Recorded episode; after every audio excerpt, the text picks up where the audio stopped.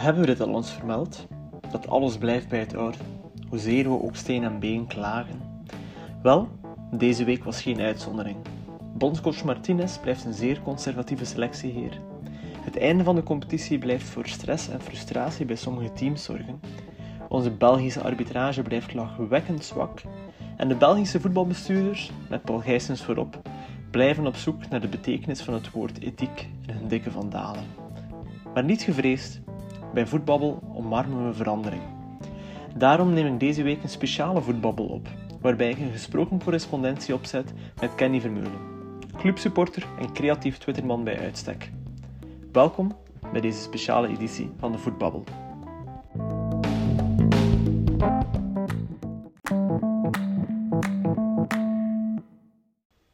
Welkom beste luisteraar bij de Voetbabbel. In deze 28e aflevering toch al van uh, dit lopende seizoen gaan we het even anders doen. Ik leg het kort even uit.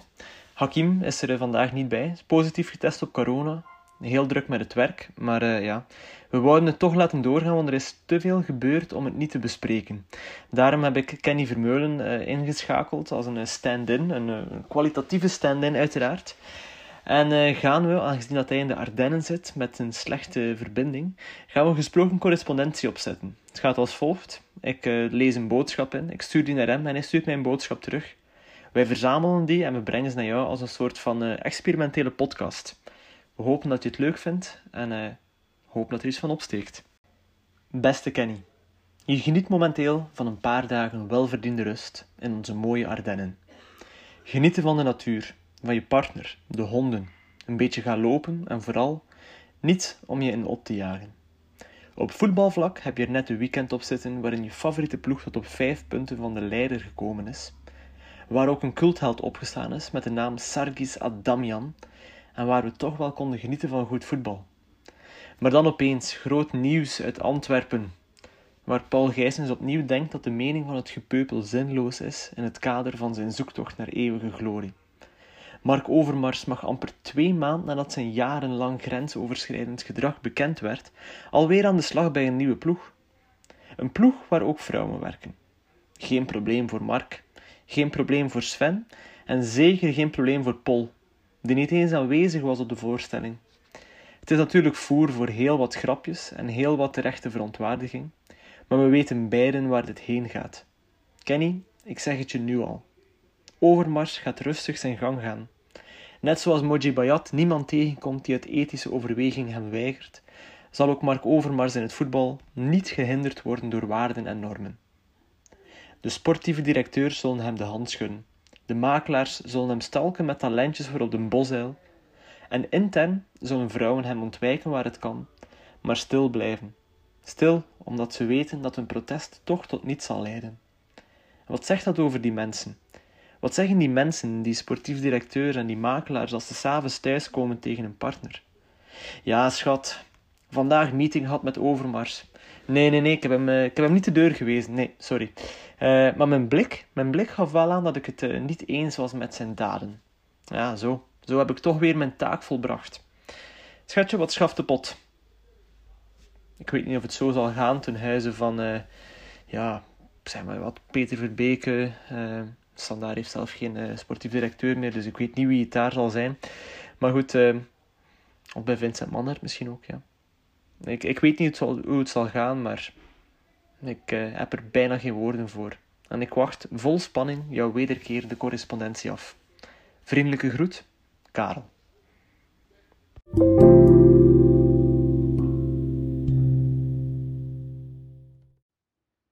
Dag Karel, ik bevind mij inderdaad in de Ardennen, eh, nabij Hoefalize, meer bepaald. Het heuvelachtige Hoefalize, waar ik hoopte mij rustig te kunnen voorbereiden op mijn allereerste officiële marathon, de Marathon van Rotterdam. Nu, die rustige training, dat is vanochtend gelukt. 12 kilometer had het moeten zijn, het werden er 18, want ik uh, liep een klein beetje verkeerd. Um, met 510 hoogtemeters. Ik hoop uit de grond van mijn hart dat de hoogtemeters in Rotterdam iets meer meevallen. Maar dat zal wel.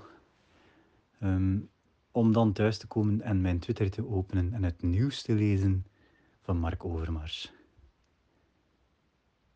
Spijtig genoeg was ik niet zo verrast. Ehm, de voetballerij en ook de Jupiler Pro League dus is niet echt een bastion van de uh, gevoeligheid. Um, als we alleen al kijken naar onze eigen voorzitter, die al wel eens zat achter het stuur kruipt. Naar de voetballers die hun vrouwen slaan. Naar um, malafide makelaars. Uh, en naar het feit dat die nog allemaal ook aan het werk zijn. Dan denk ik wel dat we veilig kunnen stellen dat het een clubje is aan mensen met vrij weinig scrupules, die uh, vooral voor een titel willen gaan en aan de centen denken. Never waste a good crisis, uh, zoals wel eens wordt gezegd. Um, ik had gehoopt op een reactie van de Antwerpse supporters, maar niet veel later las ik uh, ook bij hen de zeer vreemde commentaar dat het geval Overmars een geval was in de privésfeer en ze dus vooral wilden, wilden focussen op het professionele. Op die manier is het natuurlijk zeer moeilijk voor vrouwen en slachtoffers in het algemeen om zich uit te spreken uh, als je weet dat dit het gevolg is. de man heeft, oh god, anderhalve maand of twee maanden moeten wachten om een nieuwe job te vinden. het voelt een klein beetje als een soort lijkenpikkerij um, op de rug van de slachtoffers. Profiteren van een koopje Ehm, maar ik vrees dat het zo altijd zal blijven. Um, er was ook wel goed nieuws dit weekend uh, om te volgen. Inderdaad, uh, cultheld Adam Jan. Ik heb uh, bij zijn komst uitgesproken en gelachen met, zijn stats. beste supersub, maar niet echt de, groot, het grote scorend vermogen waar ik naar op zoek was als clubsupporter. Maar hij heeft het tegendeel bewezen, moet ik zeggen. Um, en ik hoop dat hij het nog eventjes volhoudt, want dan lijkt de titel plots weer wel in zicht. Daar ben ik wel uh, vrij blij om. Nu, ik, heb, ik heb een vraagje aan jou, want ik heb de, dezelfde vraag gesteld op Twitter vandaag. En heel veel mensen hebben dezelfde vraag gesteld. Um, wat vind jij van de play-off 1-regeling of van de algemene regel dat ehm, we kiezen voor het aantal gewonnen wedstrijden in plaats van het doelsaldo? Want plots, heel plots, staat Anderlecht niet meer in play-off 1. Toch wel, denk ik, de verrassing van de speeldag. Vriendelijke groeten uit Wallonië, Kenny.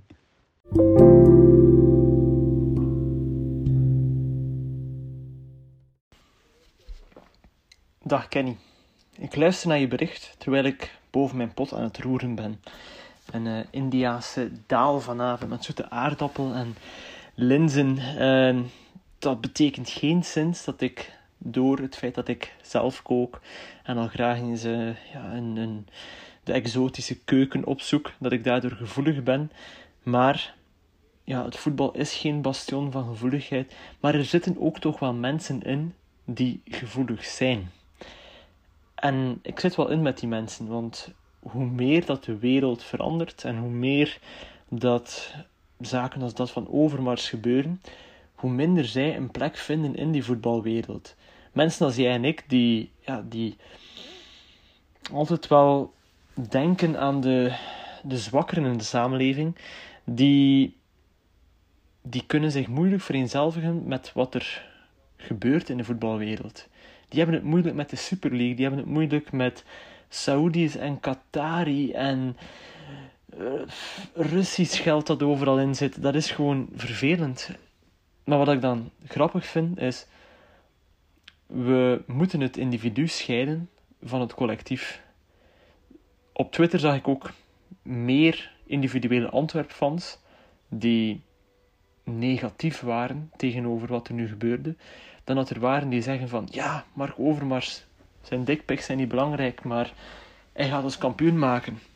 Ik geloof daar niet heel erg in, want die twee passen ook niet heel goed bij elkaar. Antwerp heeft geen jeugdwerking zoals Ajax heeft een andere filosofie en heeft ook niet dezelfde financiële middelen. Dat gaat ook niet opeens veranderen.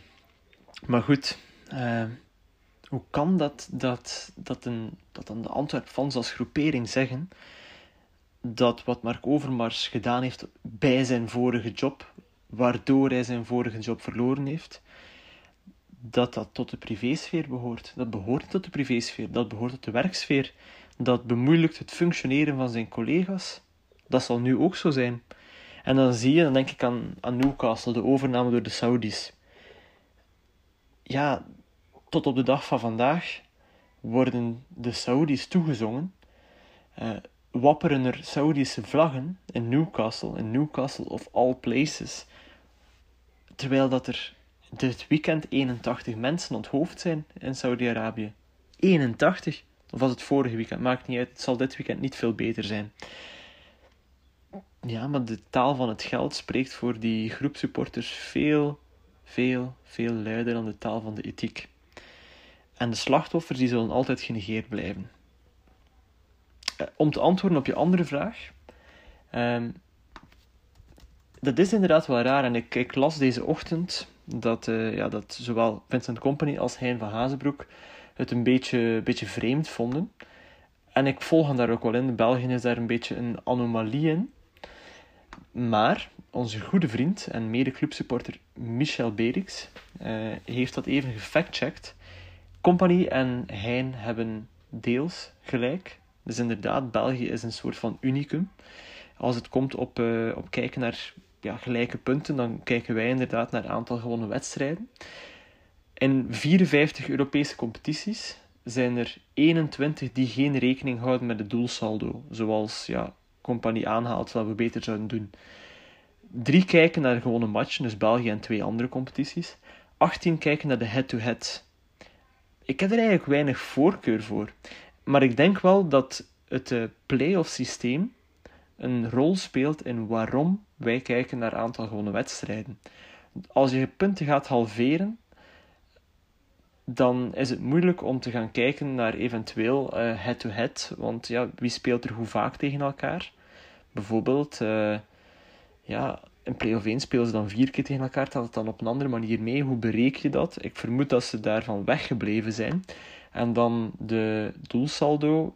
Ja, telt het doelsaldo vanuit de reguliere competitie helemaal mee of telt het maar half mee? Moeten de, de doelpunten die je gescoord hebt in de play-offs niet, niet belangrijker doorwegen als de punten ook belangrijker doorwegen? Dat lijkt mij een discussie die de Pro League wou vermijden, waardoor ze nu per ongeluk een andere discussie hebben opgestart. Maar goed, ja, de, dat is wat het is. Um, er is er niet veel over te zeggen, denk ik. Ik snap het wel, maar het is nu zo. En ik denk vooral dat Anderlecht dat dan heel cryptisch zei, dat als zij 6 op 6 halen, er wel nog iets zal gebeuren. Dat het gewoon zal te zien zijn. De wedstrijd van vorige weekend, Gent-Anderlecht, was heel belangrijk. De wedstrijden die komen zijn ook belangrijk. Het zal tot op het laatste spannen en dan, dan zien we wel wat er komt. Ik heb wel iets anders gezien. Niet aan de top van het klassement, maar helemaal beneden. Ik zag uh, Musashi Suzuki van Beerschot na meer dan een jaar opnieuw scoren. En ik vond het best grappig. Vooral zijn viering dan. Want hij legde zijn vingertje op de mond. Dat is zo eentje van, je moet stoppen met praten, eh, ik antwoord op het veld. Vind ik wel raar, want de man had dus al meer dan een jaar niet gescoord. En ik vraag me af, wie wou hij het zwijgen opleggen? Hij is de recordtransfer van Beerschot. En hij speelt zeker niet altijd. Hij was er wel vaak bij als, dan als basisspeler of invaller. Maar ja, wie wil je dan het zwijgen opleggen? Zijn trainer. Die, ja, de derde trainer die hij niet kon overtuigen van zijn waarde. Uh, de fans die misschien meer hadden verwacht van een recordaankoop dan een speler die ja, Beerschot niet kan behoeden voor degradatie, laat staan een goal scoren. Uh, of misschien de pers die eigenlijk al vergeten was dat hij bestond. Uh, als het aankomt op uh, Japanners in de Belgische competitie, zal Suzuki misschien de laatste zijn waar we aan denken. Ik denk dat er dit seizoen ook veel gepraat is over Beerschot, maar niet over Suzuki. Dus ik zou, ik zou hem adviseren, hou je maar kalm. Wees een beetje gevoeliger. Met vriendelijke groeten, Karel, vanuit zijn keuken.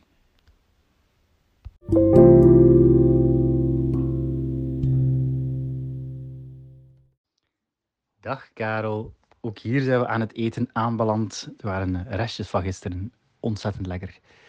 Uh, dus goed gedaan van mezelf en mijn vrouw. Uh, die zit beneden ondertussen um, de mol te kijken. het seizoen is terug en we moesten nog inhalen.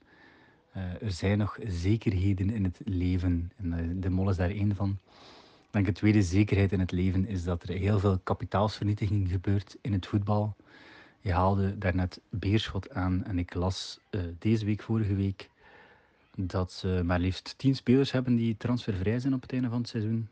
Uh, met nog eens vier die in hun contract hebben staan dat ze niet mee moeten naar 1B. Ja, dat zijn 14 spelers waar je geen centen meer voor krijgt.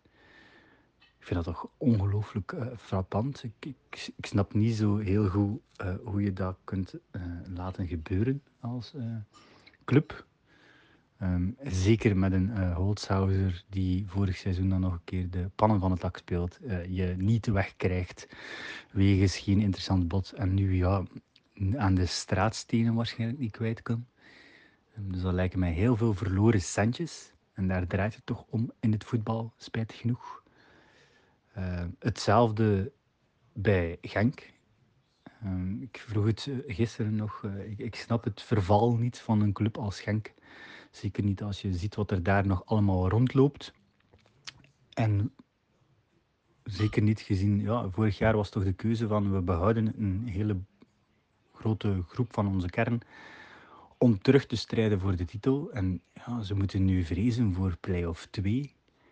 Um, ik weet niet of jij denkt dat ze het halen, maar um, ik vrees er toch ergens wel voor. Um, staat te wachten. Oké, okay, Cercle heeft wel nog een, een, een lastig programma, maar ik, ook OHL, uh, uh, STVV staat daar wel dichtbij, om het dan ook weer over de Japanners te hebben.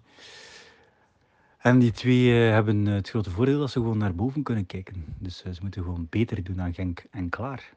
Hmm, lijkt mij een zeer lastige positie voor een ploeg die absoluut niet draait. Dus ik ben ongelooflijk benieuwd hoe die laatste twee speeldagen er gaan uitzien. Ook bovenaan nog steeds. als we het hebben over een ploeg die niet draait, dan lijkt Union mij toch een stukje hun geluk kwijt te zijn.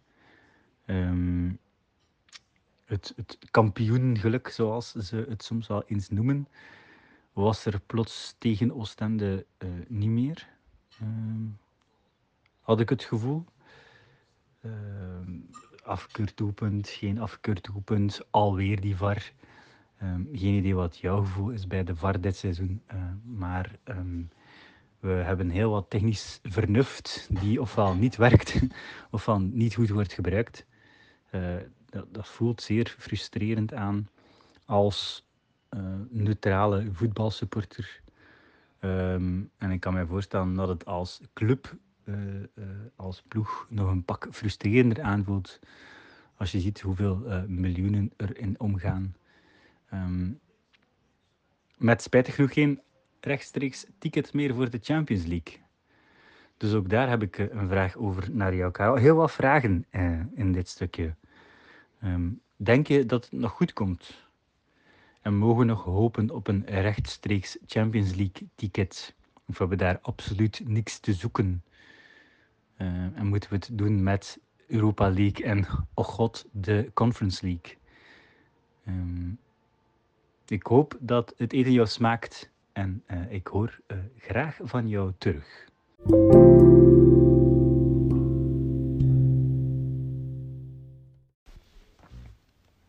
Dag Kenny. Restjes van gisteren, dat kan smaken. Mijn vrouw ligt ziek in bed, maar ik heb toch een uh, Google Translate diner kunnen hebben met onze Oekraïense gasten. Nazar, een jongetje van 10 jaar, vond het lekker, terwijl hij normaal niet graag zoete aardappel eet. Op dat vlak kan mijn avond dus al niet meer stuk. Maar ik antwoord eerst graag op je vragen. Over Beerschot gesproken. Ja, ik snap dat het uh, raar is dat 14 spelers zonder contract zullen zitten. Maar de financiële domper die je krijgt door een degradatie moet je natuurlijk ergens wel opvangen. En op dat niveau is de transferwaarde van de spelers doorgaans zo laag dat het de moeite niet loont om daar lange contracten aan vast te binden kost eigenlijk meer aan een tekenbonus om iemand vier jaar contract te geven, dan dat het zou kosten om hen na twee jaar gratis te laten gaan. En het is nu niet dat we moeten zeggen dat Beerschot tien spelers heeft die ze absoluut moeten houden.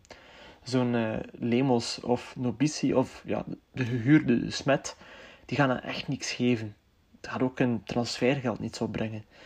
Nee, dan liever uh, een kleinere kern wat kansen geeft aan jongens als een Sebawi, die, ja, die wat meer het echte beerschot vertegenwoordigen. Laat ze nu maar eens tonen dat ze de krachten van een stad kunnen benutten. Laat ze nu maar eens tonen dat ze talent in eigen rangen hebben. Op, voor Genk zie ik het eigenlijk wel goed in. Doorheen de jaren heb ik geleerd dat het op het einde ja, dat de grote clubs meestal wel halen als er gestreden wordt voor play-off 1. het is toch wel wat, hè? Die, uh, die stress van de laatste wedstrijden. Uh, als iemand het nog haalt, is het STVV. Die lijkt toch wel een echt lastige kandidaat momenteel. En ik weet niet waarom, maar zo, ja, een team met Bruls, met die Hara, Hayashi, uh, Kagawa, die, die dan grotendeels onzichtbaar is, maar gewoon een cultspeler is. Het doet me toch wel iets. Ik vind dat op een of andere reden vind ik dat toch wel een, een ploeg die de competitie een beetje kleur geeft de laatste maanden.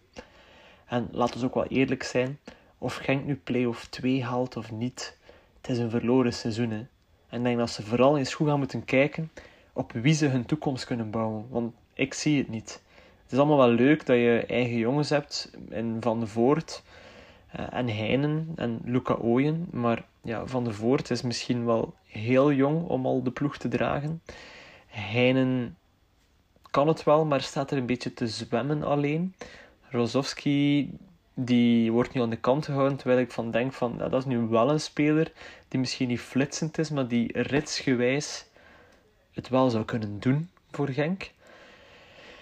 heel veel jongens, ja, ik zeg altijd, ik zeg al een paar weken van Genk, dat is uh, onhandelbaar talent. Zo'n uh, Bongonda, zo'n Onuwachu, ja, die, die verdedigers ook grotendeels. Ze hebben talent, maar geen regelmaat. Dat is het omgekeerde van Gent op dat vlak. Als ze Ito kunnen houden, dan kunnen ze volgend jaar iets doen, maar zonder Ito zal het moeilijk worden. En uh, ja, ja, we komen natuurlijk, het zou geen voetbabbel zijn zonder onze bingo over de arbitrage erbij te krijgen. Dus uh, ja, breek me de bek niet open over die VAR. Ik vind het lachwekkend dat we ja, al meermaals sinds we een paar maanden terug de 3D-lijn ingevoerd hebben, met technische mankementen op cruciale momenten te maken hadden. Ik heb ook wel kostelijk gelachen met Alexandre Boucault in Antwerp SCV.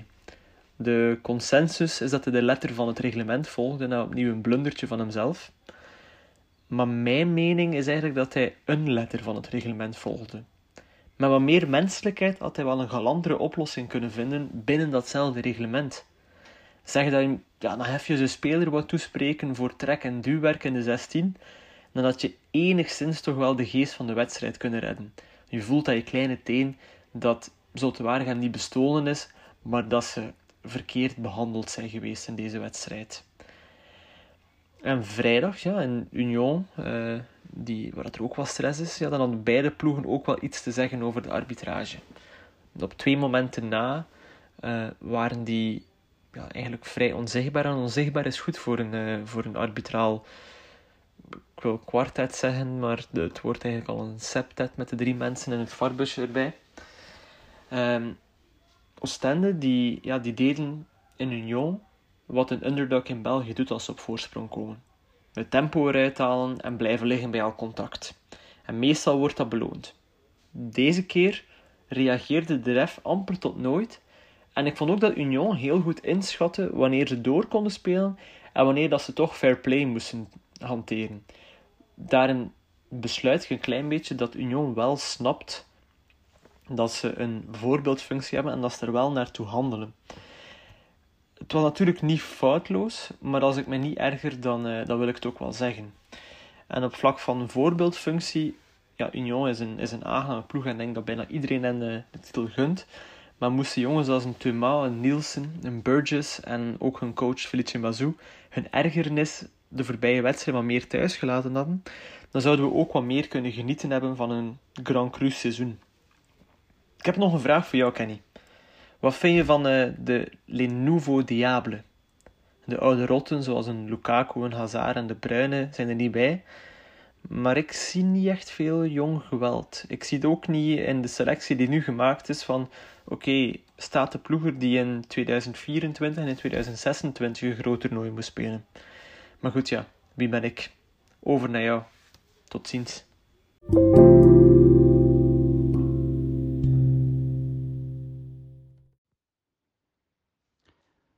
Hey Karel, hier ben ik terug. De, de Mol-aflevering zit er bijna op. Het is uh, spannend. Ook dat is uh, elk seizoen wel hetzelfde. Uh, wat er niet spannend is, is de selectie van Martinez, heb ik het gevoel. en dat is ook wel altijd zo geweest.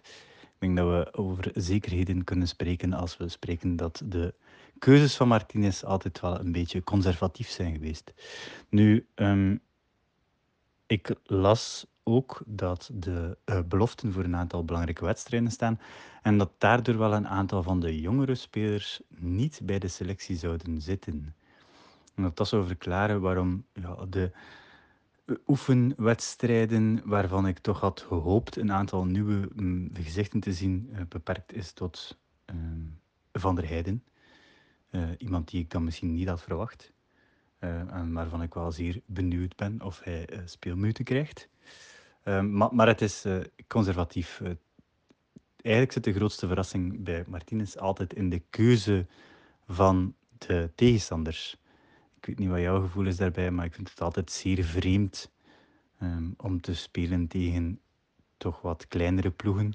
Er zal wel een uh, theorie achter zitten en er zal wel een strategie achter zitten. Maar het geeft mij toch altijd een klein beetje het gevoel dat we niet klaar zijn eens we op een WK of een EK staan, omdat we te weinig gechallenged zijn geweest. Waardoor, uh, eens het om de knikkers gaat, we niet scherp genoeg zijn. Uh, maar misschien is dat ook wel nodig om onze overbespeelde, uh, druk bezette vedetten een klein beetje rust te gunnen. Ik weet het niet zo goed. Het, het, voelt altijd wel een beetje raar aan. Um, als je dan kijkt dat Nederland nu twee oefenduels speelt tegen veel betere ploegen. Ik dacht Denemarken is er één van, ik weet niet meer wat de andere is. Ja, dan, dan is het toch een klein beetje raar. Wie zie jij trouwens als eh, de, de nieuwe lichting? Um, Charles de Ketelaar veronderstel ik. In de spits, die hoopt op wat uh, speelminuten. Um, maar zie je er nog uh, mensen die er aankomen en uh, komt het goed? Maken we ooit nog kans?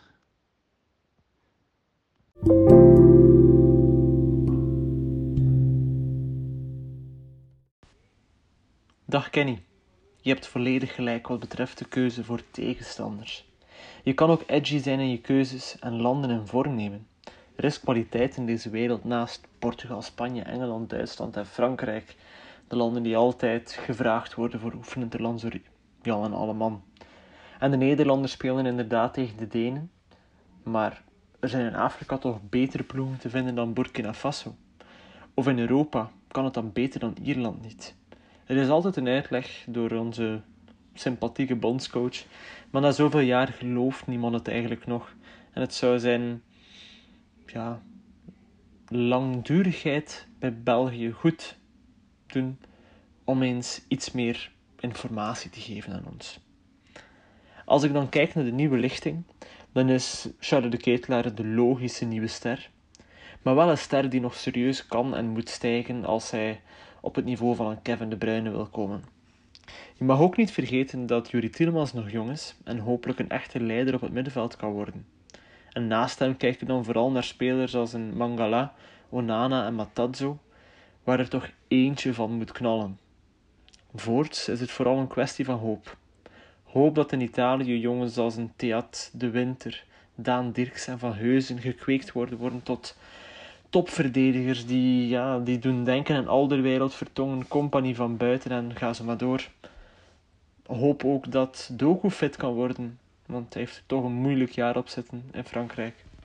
Hoop dat Adnan Januzaj eindelijk omarmd wordt en ja, kan doen wat hij bij Sociedad doet, maar dan voor de Rode Duivels. En ja, daarna moeten we eigenlijk al een generatie verder gaan kijken en moeten we misschien ook nadenken van oké, dit wordt een, een vraagstuk voor 2028. En dan kijken we naar de Noah en Bambas, de Mario Struikens en de Lucas Ooyens van deze wereld. Bij hen is het misschien zelf nog te vroeg om te hopen. Waar ik wel benieuwd naar ben, is naar wat er nu de komende tijd zal gebeuren met Pascal Struik. Hij is er niet bij voor Nederland, hij is er niet bij voor België. En hij zei in december nog dat de Rode Duivels een optie bleven, maar dat hij liefst voor Nederland zou uitkomen. Dat is allemaal goed, maar straks zorgt zijn mindere vorm bij Leeds United ervoor dat hij overbodig wordt bij beide selecties. Zo, ik ben dan volledig uitgeschreven voor deze week. Wat een genot was het om, eh, om je te mogen storen op je buitenverblijf beschrijven elkaar vast en zeker nog. Tot hoors en bedankt.